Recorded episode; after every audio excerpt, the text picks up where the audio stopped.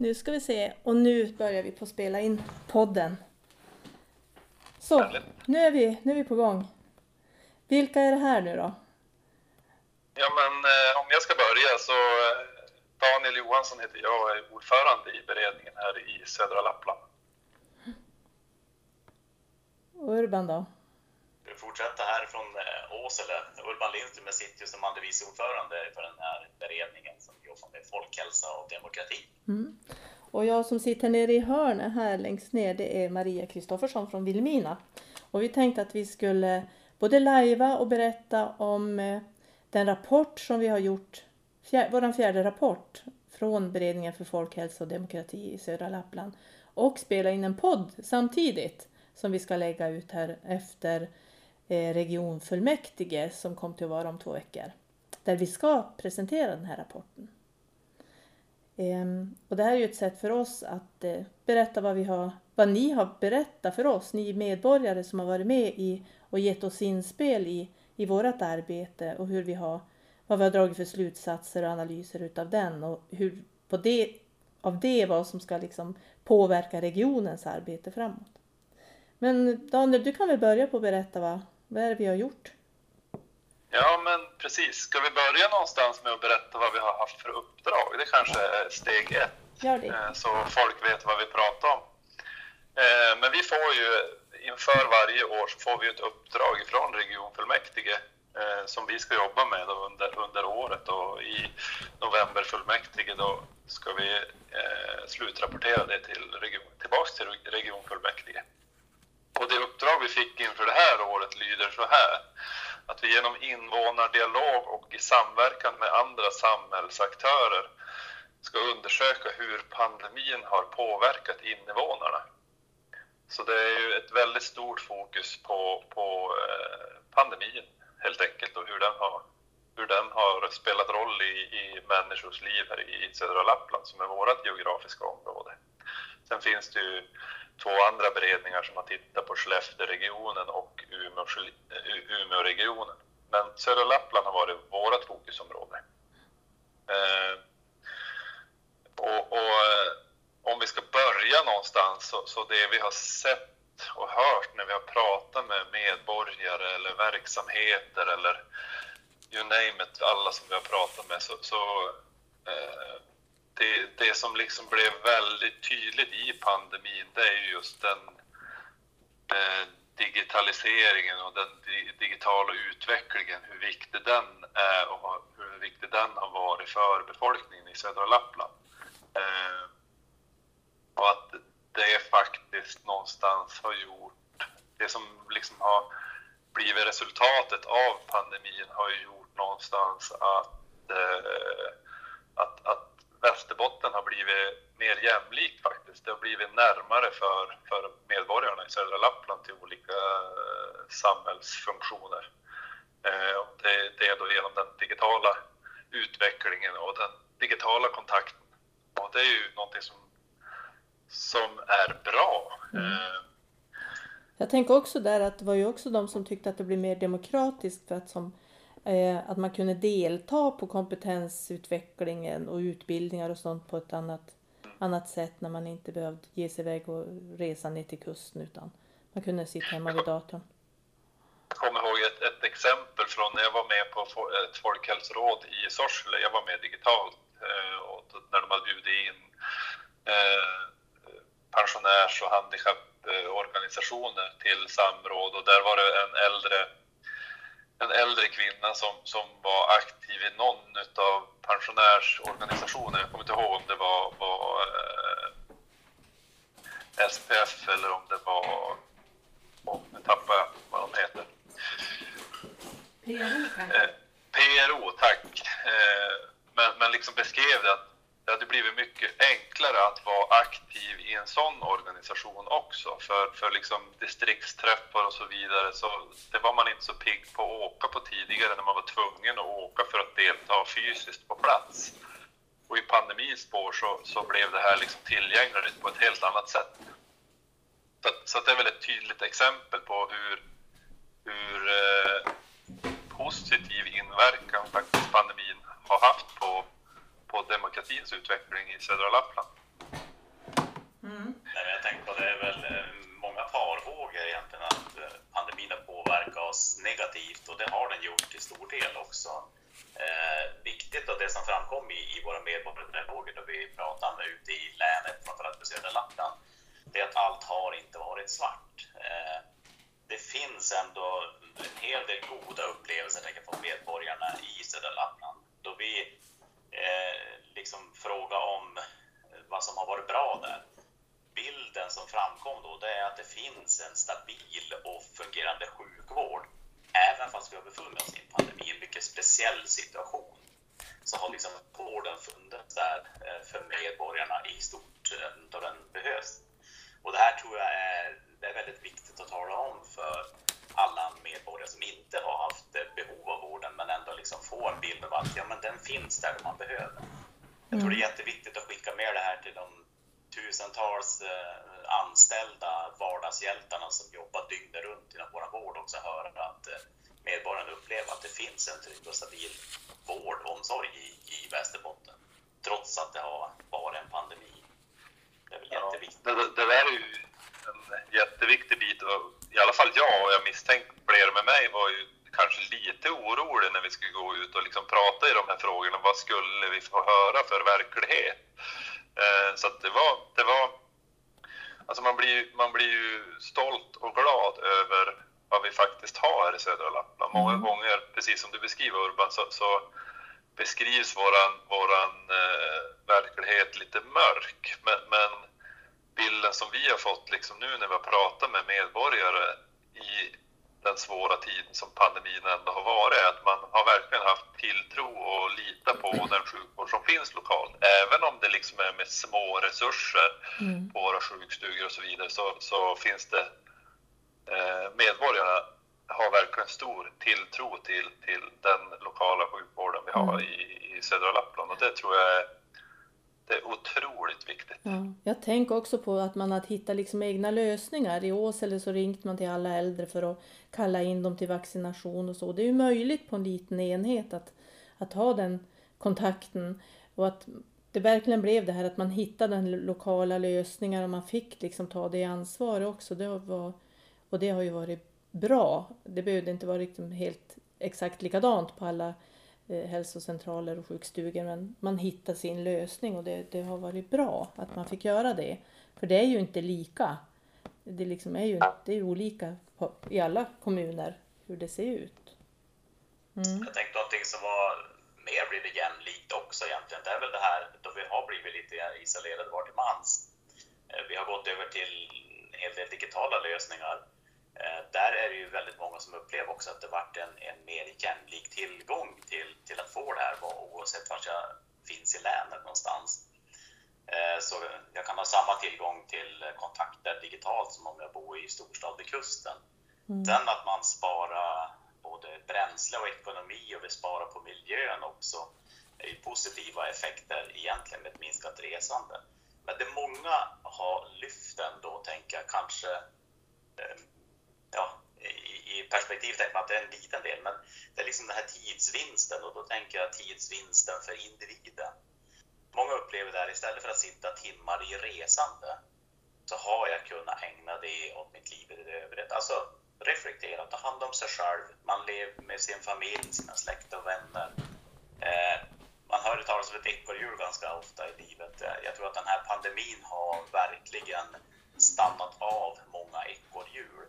Och det tror jag, eh, precis som många beskriver, att det har varit till nytta. Alltså folk har varit tvungna att stanna, backa av lite grann. Eh, fundera vad som är viktigt i livet. Vi har inte sprungit på i samma omfattning. Och det är klart att det här, det här tror jag är klokt många gånger. Vi gör andra val nu mm. efter pandemin än vad vi gjorde före. Ja. Det är så lätt i vardagen att liksom bara rusa på blint som man gör, som vi alltid har gjort. Att just den här att stanna upp och reflektera vad är viktigt för mig och vad är viktigt för samhället och världen? Det, det tror jag har varit eh, viktigt och, och, det här tror jag vi ska spinna vidare på. Eh, det är en stor folkhälsofråga, tänker jag, framåt.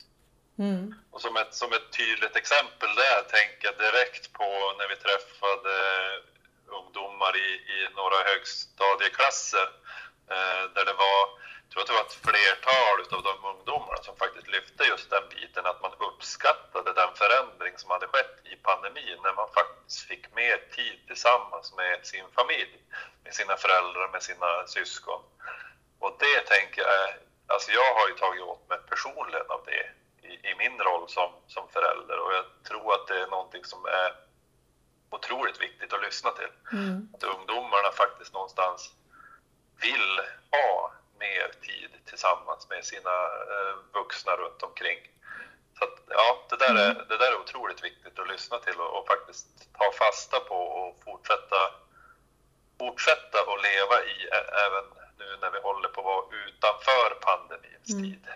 Jag kommer också ihåg en... Efter pandemin också. Eh, vi, har ju, vi har ju haft en pandemi där vi själv har varit eh, begränsade och distanserade från medborgarna fysiskt. Vilket har varit lite frustrerande och tråkigt men samtidigt utmanande. Jag tänkte nu har vi fått ändå börja på träffa medborgare igen. Vad, vad har du för tankar där Maria? Liksom, vad är medborgarnas största upplevelse eh, egentligen när de får träffa oss? Eller de förmedlar till oss? Ja, jag, jag, alltså vi har ju upplevt att de vi har träffat och de vi har haft kontakt med har varit väldigt Alltså de har verkligen velat tala om vad de tycker och tänker och verkligen dela med sig på ett väldigt djupt plan, personligt plan om vad de har upplevt som positivt och mindre och negativt i, när det gäller pandemin. Och att man har verkligen varit intresserad av att få delge och vara med och påverka eh, när man har träffat oss. Och att jag tror också att det har skapat en större tilltro till oss som har varit med och som lokala politiker. Vi har ju haft politiker med från alla kommuner och alla partier. Inte nu på slutet, då, då förlorar vi Dorotea eh, för att en klev av. Men att vi har inte haft någon från Sorsele heller. Eh, men det är de två. Men att det har, jag tror att det har spelat roll att det finns en lokal politiker som verkligen vill lyssna in vad människor tycker tyck och tänk.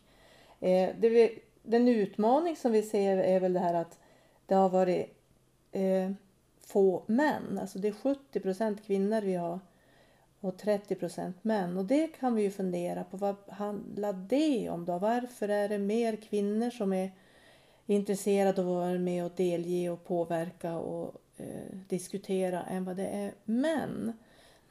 Och det tror jag vi, det behöver vi verkligen fundera på. Helst när vi tittar på hur folkhälsan ser ut så vet vi att det är männen som har en sämre hälsa i södra Lappland. Eh, och, och att kvinnorna är bättre på att, att, ta hand om sin hälsa. Och det tror jag det, det är en utmaning i sig. Eh. Det känns ju som att vi är inne lite grann på området demokratins själ, demokratins mm. inre lite grann egentligen. Ja. Eh, jätteviktigt just den här responsen du lyft Maria, tänker jag. Då vi är ute och träffar medborgare och verksamhetsföreträdare så är man ju genuint jätteglada. Mm. Det är någon som bryr sig om medborgarna ute. De får en möjlighet att liksom, eh, ha en dialog, få veta vad som händer, men även få liksom komma med egna synpunkter och tala om vad man upplever för någonting. Det här är vår upplevelse på hur samhället ser ut. Mm. Vi har de här behoven. Och framförallt att man kanske kan sätta bilden av ja, men så här vill vi ha det i Västerbotten, i mm. vårat hörn av Västerbotten, men i hela Västerbotten också. För vi har ju ett uppdrag, tänker jag, den här beredningen också, säga, ett allmänt uppdrag att liksom verka för att medborgarna ska känna ett förtroende och tillit för, för demokratin och, mm. och, att de ska ha möjlighet att spela in eh, till oss annat mm. utom det riktade uppdraget. Så vi tar ju till oss precis alla synpunkter som medborgarna egentligen har utifrån deras förutsättningar. Mm. Jag tycker en viktig del och någonting som jag är jätteglad för att, att det fortsätter jobbet, det är att i alla fyra rapporter som vi nu har jobbat med, alla de här åren vi har jobbat med och haft dialog med medborgare, så har vi sett att det finns, att medborgarna i södra Lappland upplever att jag är inte lika prioriterad som de som bor vid kusten. Att vi är inte lika viktiga, att här dras eh, samhällsservice bort och det läggs ner eh, Eh, viktiga funktioner. Och det är inte bara liksom från regionens håll utan det, det försvinner arbetstillfällen och det försvinner affärer och man känner att vi som samhälle inte är prioriterade. Att den upplevda underordningen är jätteviktig, att man förstår, att man ser den, att man funderar på vad gör vi åt det. Och att vi gjorde ju en, ett arbete, vi läste folkhälsovetenskap vi tre och gjorde en uppgift där och nu är det faktiskt så att det blev ett forskningsområde Så att det fortsätter ju att forskas på just det vid Umeå universitet. Och när, om någon vecka så ska vi få träffa den här forskaren eh, så får hon berätta om hur det ser ut. Så vi vet inte riktigt just när vi spelar in det här. Men det känns också jätteviktigt att man funderar omkring det. Vad, vad innebär det för en människa i ett samhälle? Och jag tänker så ofta på den här tjejen som sa att ja, men eh, jag har varit van att eh, det har varit hot om att skolan ska läggas ner och i hela mitt liv. Jag har funderat på att jag inte ska vässa pennan för mycket för att, för att spara pengar. Och jag, jag, jag funderar så mycket omkring hur påverkar det människor som hela tiden lever under det, i det hotet, eller hur man ska uttrycka sig, att det kommer till att försvinna, det sparas in pengar, det läggs ner, det krymper i min omgivning.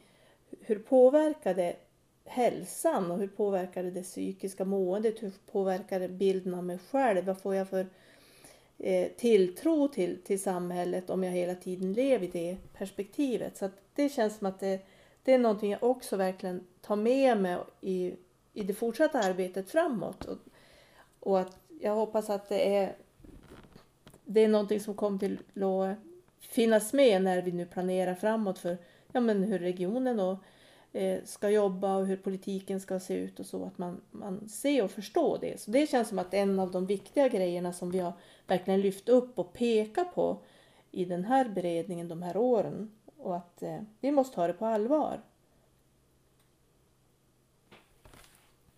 Mm. Får jag hoppa tillbaka lite grann?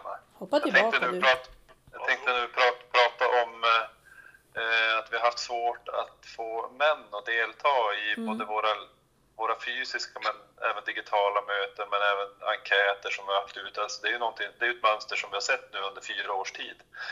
Eh, och det där tänker jag är, vi, vi har pratat väldigt mycket i de olika rapporterna också om, om den machokultur som upplevs både av, av oss men även verksamhetsföreträdare och medborgare. Liksom att, att männen i södra Lappland i hög utsträckning lever i, i en, en machokultur och, och där mannen ska vara på ett visst sätt för att liksom vara eh, en riktig man eller vad man ska säga. Och det där tänker jag, det där är någonting som jag har fastnat för och som jag tänker att vi behöver eh, lyfta mer och prata mer om, framförallt kanske med, med våra eh, med våra söner, med våra yngre eh, män i samhället. Liksom, vad, vad, vad det skapar. För det, för det tänker jag liksom också påverkar eh, männens hälsa och, och vilja att delta i samhället. Eh, det, tänker jag, det tänker jag är liksom en viktig del som vi i olika sammanhang, inte bara liksom i vårat sammanhang. Nu kom, ju, nu kom det till att finnas en...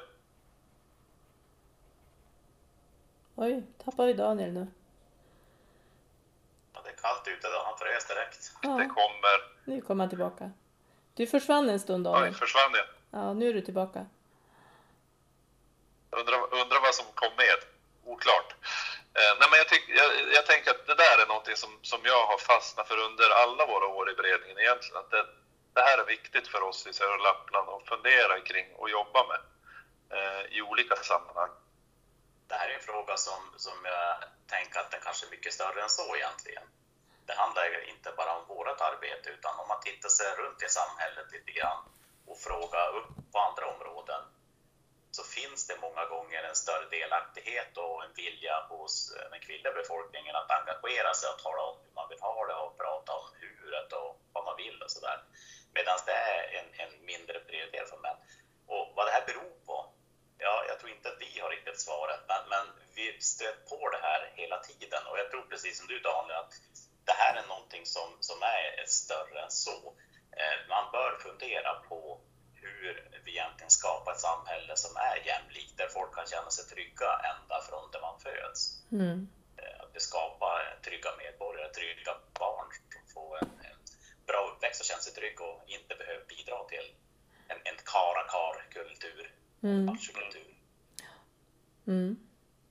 Jag tänker att regionen har väl ett, material nu som man jobbar framförallt mot arbetsplatser på, machokultur på arbetsplatsen eller ja, något sånt precis. heter den. Och det här är, jag tror att det där är ett arbete som vi behöver eh, se, se liksom i, i större utsträckning, framförallt här i södra Lappland, för det påverkar, det påverkar män och unga män och pojkar så otroligt mycket om man redan från tidig ålder liksom begränsas till att så här ska det vara. Mm. Eh, det tror jag är, är, ja, det där tänker jag är viktigt. Ja. Jag tänker att det är viktigt för mig i min roll som pappa till en, en son också att eh, verkligen lyfta att du, du behöver liksom inte vara inrutad i det här mönstret. Mm. Någonting som jag tänker att vi har haft med oss i, i beredningen också hela det här året vi har jobbat, det har ju liksom varit nu ska vi fundera på den här frågeställningen med medborgarna, ha dialog om den. Vi har samtidigt också pratat i termerna av att ja, hur är det det vi har upplevt hittills? Men vad kom sen? Alltså vad blir de mer långsiktiga effekterna av mm. pandemins påverkan? Eh, det vi inte ser idag, och där har vi funderat lite grann. Vi har ju de här exemplen där man uttrycker kanske att eh, ja, men jag har sju ensamma kvällar i veckan. Jag är orolig, jag är rädd. Det är tråkigt, eh, det är många dagar ensam. Konsekvensen har blivit att jag är nästan lite folkskygg. Det, man drar sig för att hälsa på liksom folk. Och jag har nästan ingenting som ger mig positiv energi. Och det här är ju frågor som vi tänker att det här kom framåt också. Påverkar. Vi, vi pratar om många gånger att det finns utsatta grupper i samhället som, som man först och främst kanske ser effekter på.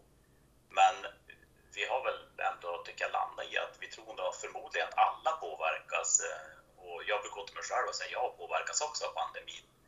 Eh, och frågan är liksom hur, hur, hur påverkar vi? Hur påverkas vi? Mm. Eh, men det syns inte. Eller vad får vi för effekter mm. framåt? Och det här är ju en lika viktig fundering, tänker jag, utifrån vårt resultat också. Mm. Vad kan komma framåt? Och det tänker jag på, vi pratade med en, en anhörigsamordnare som nämnde det att just för gruppen äldre alltså, som har suttit ensam och inte haft anhöriga nära, inte kunnat träffa anhöriga, inte träff, kunnat träffa andra. Att, eh, och den här personen var rädd för att det kom en backlash. Eh, och även när vi pratar om eh, ungas psykiska hälsa, där man har varit isolerad, att där såg man också en farhåga att det kan komma en våg efter pandemin utav att man, man har påverkats negativt av att man inte har haft den här sociala, sociala kontakterna och sociala samspelet med andra människor. Men det vet vi ju inte än. Vi hoppas väl att vi ska ta oss igenom det också. Men jag tänker att vi, vi har ju också en önskelista som vi har skrivit till regionen. Ska vi, ska vi dela den här i, i skärmen så får de som är med live se den? Kan du dela tror du? Ja, jag provar. Prova ska vi se. Vi testar. Vi kan väl berätta medan Daniel provar att vara tekniker här. Eh, ja. Vad är då egentligen vår önskelista? Namnet kan tyckas ganska enkelt sådär. Önskelistan är helt enkelt en sammanfattning av, av allt det vi har kommit fram till i de här eh, dialogerna. Och det är det vi kommer fram till som kan förbättra livet för invånarna i södra Lappland, men även för Västerbotten i sin helhet. Och det här är liksom, namnet önskelista är egentligen ganska enkelt, men det är tydligt också. Det här mm. önskar vi att ska hända framåt för att det ska bli bättre för alla i Västerbotten. Ska se om jag kan vi, vi, vi, känner, vi känner väl oss vi känner väl andra genom oss själva också lite grann. Så att vi har ju någonstans velat göra det enkelt för våra kollegor i regionfullmäktige också. Det ska vara liksom, här är kärnan av det som, som medborgare och verksamheter har, har lyft i, i samtalen med oss. Så att vi, vi, vi gör det enkelt för eh, fullmäktigeledamöterna. Här är liksom mm det absolut viktigaste som har kommit fram. Mm. Den här önskelistan också, den är ju punktform för att det ska vara enkel, men i rapporten beskrivs ju liksom närmare också vad det handlar om egentligen, lite mer konkret också. Mm. Eh, vi kan ge några exempel tänkte jag här också. Mm. Börja du Urban. Den andra punkten styras av lokal relevans snarare än övergripande regionala åtgärder. Vad handlar det här om egentligen? Jo, det handlar om att Västerbotten är ett väldigt stort län. Det ser annorlunda ut. Vi har 15 kommuner i länet, men en kommun är halva länets befolkning, storstad vid kusten. Eh, södra Lappland där vi bor är väl ungefär 15 procent befolkning av länet, men det är en, det är en väldigt stor yta. Och det är klart att det ser otroligt annorlunda ut.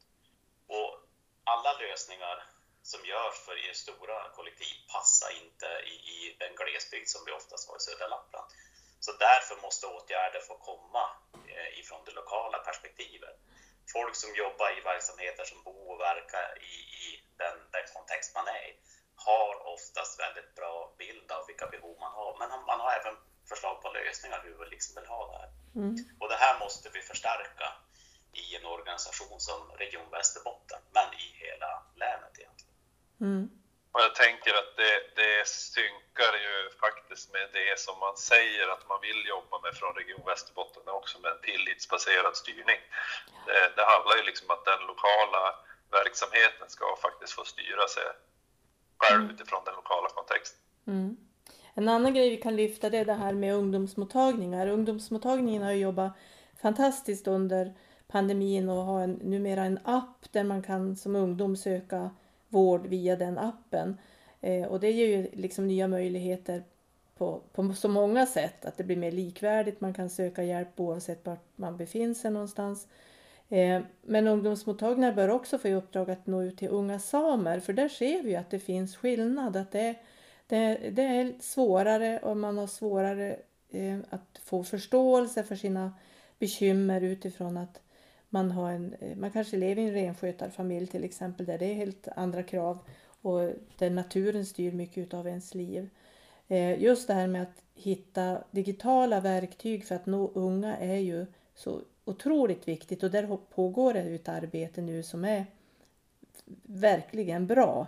Där tror jag det finns mycket att göra även när det gäller den kommunala skolhälsan. Men vi, vi behöver också se att unga samer som grupp behöver eh, resurser eller stöd utifrån deras situation. Så att det har vi lyft fram. I den här önskelistan har vi också sagt att det är viktigt att lyfta fram eh, hur himla bra vi har i Västerbotten och södra Lappland. Alltså visa att vi verkligen är en attraktiv arbetsgivare som region, att vi ser till att folk vill stanna kvar, att folk eh, vill komma och jobba, att vi lockar folk till Västerbotten. För vi, inte bara det att regionen är en, en stor arbetsgivare utan att Västerbotten har ju så mycket fördelar, i, inte minst när det gäller grön omställning och eh, ny industrialisering, vi har el och vi har mark och vi har bostäder, vi har bra folk. Vi har så otroligt mycket som vi kan lyfta fram i fördelar för att få den här bilden av det. ett attraktivt Västerbotten och en attraktiv region. Mm. Ska jag fortsätta? Mm. Eh, jag tänkte då lyfta och fokusera lite grann på, på eh, just den digitala utvecklingen som har skett, som vi, som vi någonstans eh, accelererade i och med pandemins inträde. Vi pratar ofta om i Västerbotten att vi ska göra Västerbotten rundare. Vi vet att vi har liksom enorma fysiska avstånd. Det är ett, ett, långt avstånd från norska gränsen ner till Umeå. Eh, men, men i i den digitala utvecklingen som har varit i pandemin så har vi ju sett att vi faktiskt kan göra eh, Västerbottenrundare. Vi kan göra att verksamheterna finns närmare medborgarna eh, i, i den digitala världen. Eh, och det här gör ju att vi kan jobba på ett helt annat sätt med hållbarhet eh, ur flera perspektiv. Liksom. Vi kan jobba med social hållbarhet, vi kan jobba med, med ekonomisk hållbarhet och vi kan jobba med, med med ekologisk hållbarhet på ett helt annat sätt. Så just den digitala biten har vi sett eh, nyttan av i pandemins spår och den ska vi naturligtvis fortsätta jobba med och utveckla. Det är flera medborgare som har lyft med oss liksom att det här kan vi göra ännu mer. Man kan göra det ännu bättre digitalt. Mm. Eh, vi kan utveckla exempelvis forum där, där medborgare kan träffas i, eh, i digitala forum, i väntrum eller i familjecentral. Eller, ja, det finns många idéer liksom som man kan jobba med och utveckla här och, och, och verkligen göra eh, Region Västerbotten mer tillgänglig och, och, göra Västerbotten runt som man säger så att allting är nära. Mm. Mm. Är det något mer vi ska lyfta på den här listan? Den, ja, den här... kan säga att vi har ett fantastiskt län, ett fantastiskt Västerbotten och tillsammans är vi 275 000 medborgare drygt och, och hjälps vi åt att liksom tala om att så här vill vi ha det, då gör vi Västerbotten ändå bättre och ändå trevligare för både oss som bor här och de som vill flytta hit också. Mm. Den här önskelistan den finns ju med i rapporten och vi kommer ju att länka den på, på den här Facebook-sidan där vi livesänder just nu. Eh, och vi kommer också till att lägga en länk i, i beskrivningen av podden så att ni kan nå den och läsa den.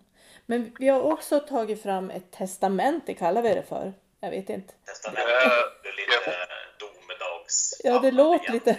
Ja, precis. Vi kan väl beskriva kort vad det är för någonting.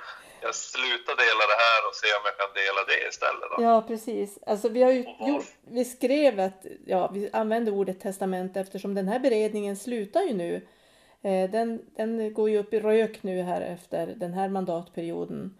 Och vi tänker att det är viktigt att skicka med de viktiga grejerna som vi har lärt oss de här fyra åren till vidare arbete. För det dyker upp nya beredningar. Vi får en beredning som ska jobba med folkhälsa och en beredning som ska jobba med demokrati nästa mandatperiod. Så därför ville vi liksom skicka med våra, eh, våra tips, eh, tips och tankar till det vidare arbetet.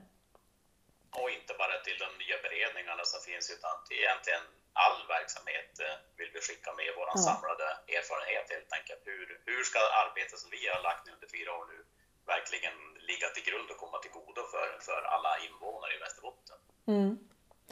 Och... Vi, ska ju, vi ska ju inte hålla på med så mycket självskryt men, men vi har ju trots allt fått väldigt goda omdömen från medborgare, från verksamheter, från andra politiker och också. Det tänker jag är viktigt att, att ta med det arbete som den här beredningen och beredningens alla ledamöter faktiskt har gjort. Att, att vara just tillgänglig och lokalt förankrad och, och lyssnande. Mm. För att det, som jag sa tidigare också, att det finns ju verkligen en, en stor vilja att vara med och delta, att vara, alltså berätta, prata från medborgarna. Alltså, vad de tycker och vad de tänker. Att vi, vi ser ju också att vi, jag tror aldrig jag haft så mycket kontakt med, med södra Lapplands bor som under den här mandatperioden som har verkligen ringt och velat veta och velat veta vad hände med den här vad hände med det vi, vi pratade om när det gäller hemgång från sjukhus till hemsjukvård till exempel? Eller barn och ungas hälsa. Folk har velat veta också vad blev det utav de tankar och inspel som de gav? Och där har vi sagt att det är jätteviktigt att, att man, när man har varit med i en sån här, berätta vad man tycker och tänker och vi har tagit det med oss och rapporterat in till regionen. Då måste man kunna rapportera tillbaka också. Vad blev det då utav det jag tyckte och tänkt? Eh, blev det stopp vid apotek på hemresan från sjukhuset till exempel? Eller vad blev det? Får, jag ta ett litet exempel bara liksom på, på som jag fastnar för här och nu. Eh, jag tänker att det här är... Vi har sett väldigt, väldigt tydligt liksom att många faktiskt vill delta, men samtidigt har vi ju också ett, ett, en utmaning i att eh, de allra resurssvagaste har liksom svårt för att ta det utrymmet och ta det initiativet. Mm. Eh, men med den lokala förankring som vi faktiskt har haft i beredningen och den lokala kunskapen som vi har haft så har vi faktiskt kunnat även få synpunkter och åsikter från, från den här delen av befolkningen. Vi har kunnat liksom genom kunskapen om hur Vilhelmina ser ut så har vi liksom kunnat besöka den verksamhet där en del av de här människorna finns. Mm. Uh, nu kommer jag inte ihåg vad, vad, vad den träffpunkten 45 man tänkte på. 45 man tänker mm. på. Jag tänkte på vändpunkten här i Storuman. Alltså vi, just den här biten är att vi, vi har, har möjlighet till att faktiskt jobba på det sättet som politiker gör ju att även, även de resurssvaga faktiskt kan få sin röst hörd. Mm. Ja, men jätteviktigt. Eh, jag tänker också en sak som vi beskriver här i det här testamentet som det liksom gäller inte bara oss politiker, utan det gäller hela Region Västerbotten. Det är att vi hittar former för att ha dialog. Att det blir väldigt tydliga processer där det finns en återkoppling till medborgarna. Alldeles oavsett vem jag är i länet och, och har kontakt med, med Region Västerbotten på något vis, om det är sjukvård eller om det är bussresor eller vad det är, så ska det finnas väldigt tydligt vad tjänsterna innebär, eh, hur det går till. I den bästa av världar finns det inga, inga frågor som kräver svar om man har en, en sån tydlig, eh, tydligt utformad verksamhet. Men här, här gäller det att formulera liksom en eh, sätt att kunna kommunicera och ha dialog. För invånarna har alltid frågor och funderingar. Eh, och där måste man ha liksom systematik. Vart vänder jag mig om jag har en fråga eller fundering? Och det här ska vara enkelt. Man ska inte behöva leta ihjäl sig på olika forum. Det ska vara jätteenkelt att komma i kontakt med. Och framförallt det viktigaste. Jag ska få en respons. Jag ska få svar på liksom mina funderingar och återkoppla så att jag, jag känner mig nöjd som medborgare.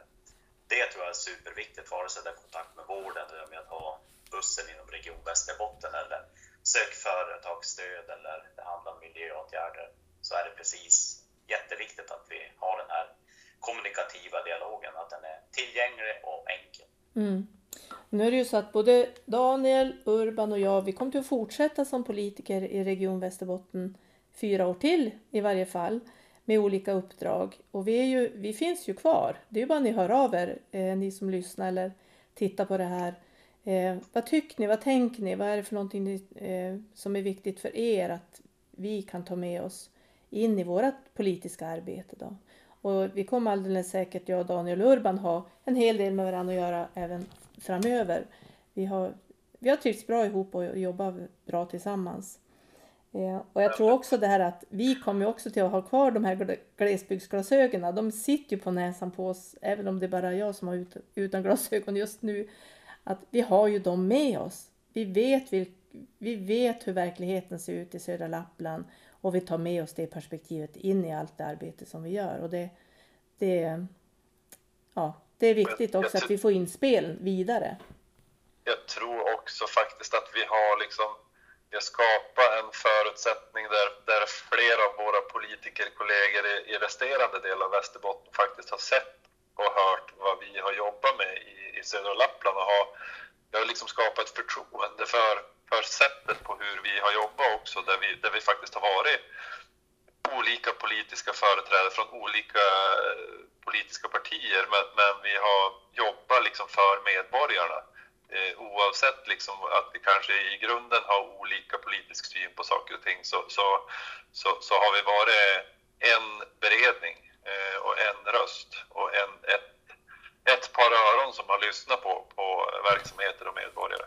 Mm. Eh, och jag tänker att det här är, det här är ett medskick och en passning som vi verkligen vill göra från den här beredningen till eh, övriga politiker i Region Västerbotten. Men kan, den passningen kan vi väl skicka till kommunpolitiker i olika kommuner också, men även eh, tjänstepersoner och verksamheter att det här är ju någonting som, som vi verkligen ska fortsätta utveckla, medborgardialogen. Eh, det, det är någonting som kan göra Västerbotten ännu bättre och ännu starkare och att vi kan skapa liksom en, en förutsättning för där vi har, där vi har eh, fortsatt ökad delaktighet och demokratiutveckling i, i hela Västerbotten. Så mm. det är väl verkligen en, en, en passning som vi vill göra till, till, till politiker och, och, och tjänstepersoner och verksamheter att, att ta med. Vi skulle gärna se liksom att man i, i hälso och sjukvårdsnämnden exempelvis vågade sig på att, att ha lite medborgardialog i olika frågor. Eh, så att, att, eh, nu ska väl regionfullmäktige vara lite, lite närmare medborgarna runt omkring i Västerbotten. Det, det ska väl vara ett regionfullmäktige både i Skellefteå och Lycksele. Mm. Eh, och det är ju liksom en viktig signal att man vill vara nära. Mm, det är jätteviktigt. Nu är det ju så att vi kommer till att... också det du fokuserar på Daniel, att eh, en passning egentligen till både oss själva men precis alla andra egentligen i Västerbotten. Sätt människan i centrum och, och titta utifrån individens behov och samordnar vi de resurser som samhället har och vad vi alla kan hjälpa till med. Mm. Då får vi ett bättre Västerbotten.